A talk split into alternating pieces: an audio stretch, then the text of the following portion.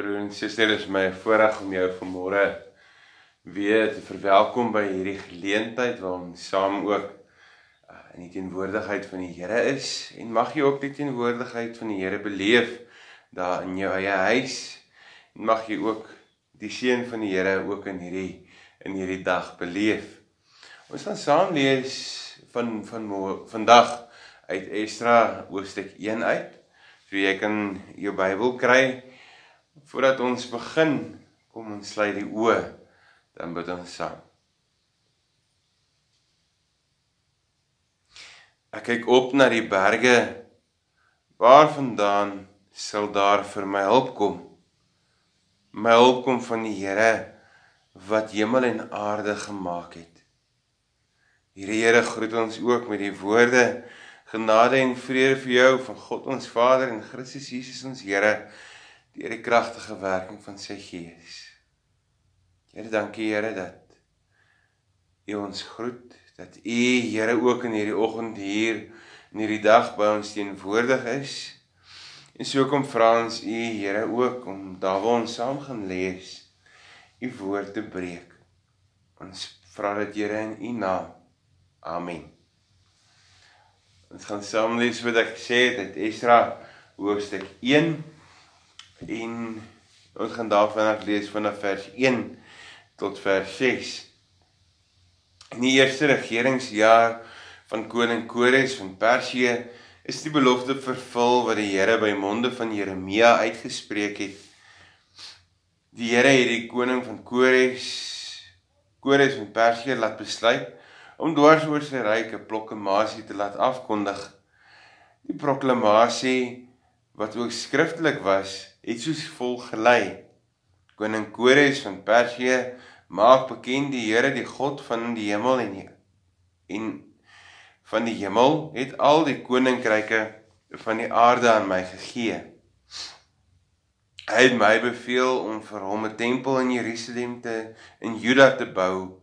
Enige iemand onder julle wat in sy volk behoort, mag sy God by hom wees mag na Jerusalem in Juda toe gaan en die tempel gaan bou vir die Here, die God van Israel. Hy is God in Jerusalem. Elkeen wat van die volk nog oor is waar hy ook al tydelik gewoon het, moet hierdie mense van sy omgewing voorsien word van nodige silwer, goud, gebruiksgoed en vee, tesame met 'n vrywillige gawe vir die tempel van God in Jerusalem. Die familiehoofde van Juda en Benjamin as ook die priesters en die leviete, elkeen en wie God die voorneme gegee het, het toe klaar gemaak om die huis van die Here in Jerusalem te gaan bou. Al hulle bure het hulle hande gesterk deur silwerware en goud, gebruiksgoed, vee en allerlei kosbare kosbarehede te gee bo en behalwe al die vrywillige gawes. Tot sover ons skrif, skriflesing van môre. As ons in hierdie gedeelte begin beleef ons in Esdra hierdie almag waarvan hy praat oor God. Die God van wat oor die wêreld regeer, die God van hemel en aarde. En uit die manier hoe hierdie God, die Here, ook heidense konings gebruik in sy diens. Na die ballingskap wat wat Israel weggevoer is um deur Babel verskyn Persië op die toneel in 539 voor Christus en onder leiding van die koning Kores word Babel ingeneem en word Persië die nuwe wêreldheerser. En so word 'n ander staatsbestel op die voorgrond gesit en onder hierdie koning van Persië, koning koning Kores, erken hy die Here as God. Hy stel hierdie God se volk um vir Israel self in staat om weer terug te keer na hulle land toe om daar ook die tempel te gaan herbou. En die interessante is dat ons op 'n manier beleef dat die volk wat vasgehou het aan die belofte van die Here tog ook in hierdie toestande van van ballingskap wat hulle beleef ook beleef het dat hulle nie vir ewig so kan aanhou nie. Dit is net 'n tydperk dan sal hulle lot verander, so sê die profeet en so beleef ons God wat in beheer is van hierdie van hierdie gebeurtenisse wat in die geskiedenis plaasvind. Ons beleef die handelende God wat mense gebruik ten spyte van wie of wat hulle is.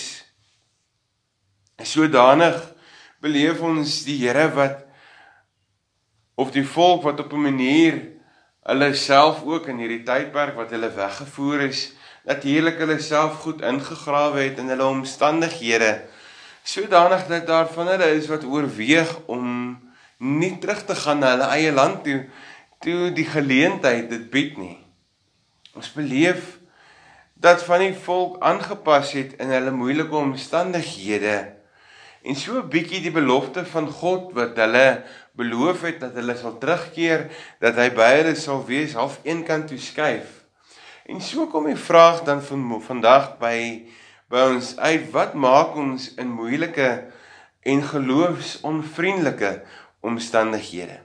Ons lees in vers 5 en 6 die reaksie van die familiehoofde en dit lees soos volg vers 5 en 6 die familiehoofde van Juda en Benjamin as ook die priesters en die leviete elkeen en wie God die voorneem gegee het het toe klaar gemaak om die huis van die Here in Jerusalem te gaan bou. Al hulle bure het hulle hande gesterk deur silwerware, goud, gebruiksgoed, vee en allerlei kosbarehede te gee bo en behalwe die vrywillige gawes. Ons beleef God wat vir sy volk sê, maar gaan terug. Die belofte word vervul, julle gaan terug na julle land toe. Gaan terug na die land toe al ken julle kinders dit nie. Al is die omstandighede anders, al is die omstandighede dalk moeilik wat voor lê en begin bou aan die tempel.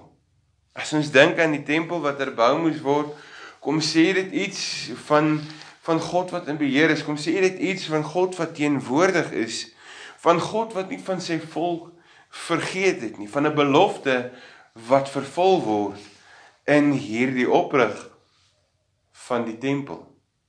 En die wonderlike wat ons beleef is dat God roep nie sonder om te voorsien nie.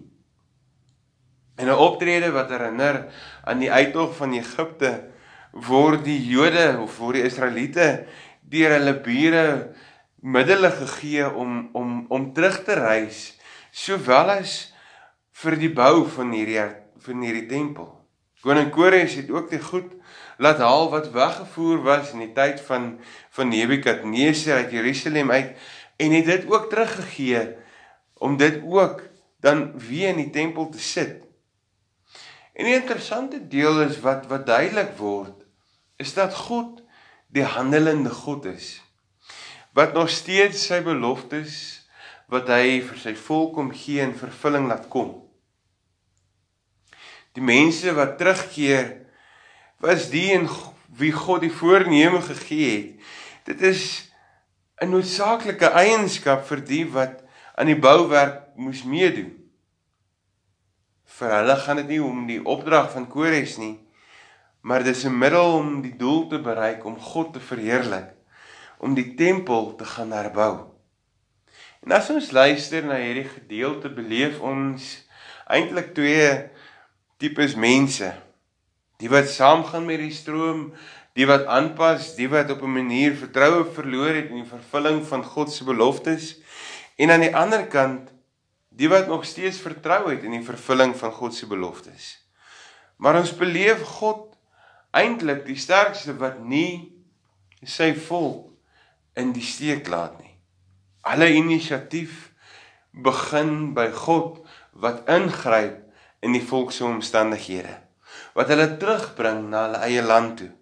Hulle is nog nie hy is nog nie klaar met hulle nie. Hy is nog lank besig met hulle en gee vir hulle sy roeping wat hulle moet uitvoer en so word so werk God dan ook met sy volk. Toe hulle gedink het maar die Here het op 'n manier van ons vergeet, die Here het op ons op 'n manier eenkant toe geskuif, kom sê die Here eintlik maar ten spyte van hierdie belewenis, ten spyte van hierdie saamsleep van omstandighede wat jy beleef, hierdie meeslering in moeilike tye, kom gee ek my teenwoordigheid. Kom gee ek ten spyte van dit die wete dat ek my belofte in vervulling bring. Dis die Here wat kom sê ek is die God wat my kind my kinders oproep om my te dien. En so as ons nou vandag ook kyk, as ek en jy na hierdie omstandighede kyk waarin ons is, mag ek en jy beleef dat die Here ons ook oproep om om teenwoordig te maak. In al hierdie dinge beleef ons nog steeds God wat met sy kinders werk. God wat besig is met my en met jou. En net sodra ek en jy alreeds en in hierdie nog nie tydperk wat ons beleef so maklik kan vergeet, maar God is waar of vra maar waar is die Here? Mag ons nog steeds beleef dat God met ons op pad is. Daarom kan ons in geloof soos een van die twee groepe mense waarvan ons gehoor het optree. En ons hoor hier, ons kan nog saamgesleep word met die omstandighede wat ons beleef of ons kan nog steeds God vertrou. Ons kan nog steeds staat maak op die Here wat vir ons kom sê, maar ek sien jou nooit in die steek laat nie. En ons kan nog steeds staat maak en moed skep in hierdie God wat getrou is, wat teenwoordig is. Ons weet nie hoe lank hierdie hierdie vreemde tyd nog gaan aanhou nie, hierdie lockdown gaan aanhou nie. Maar mag ek en jy moed skep in hierdie belofte van die Here. En daarmee sluit ek dan ook van af, vanoggend af wat direk aan jou gerig, wat dan direk aan die volk gerig is en so ook waaraan ek en jy in hierdie oggend kan moed skep wat sê skep moed sê die Here begin met die werk want ek is by jou sê die Here die almagtige. Moenie bang wees nie. Nie net mag en krag sal jy slaag nie maar deur my gees sê die Here die almagtige.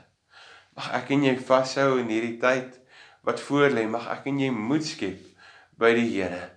En daar waar ons gekonfronteer is met ons eie omstandighede, met ons eie menslikheid, mag ons onthou en vashou aan die Here se beloftes.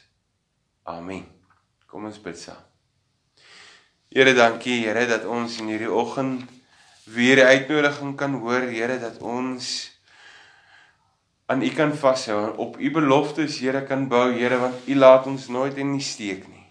Soos U ook by die volk was, en die belofte vervul het Here om hulle uit ballingskap te laat gaan so hou ons ook vas Here aan die belofte dat U by ons is in hierdie omstandighede wat ons beleef.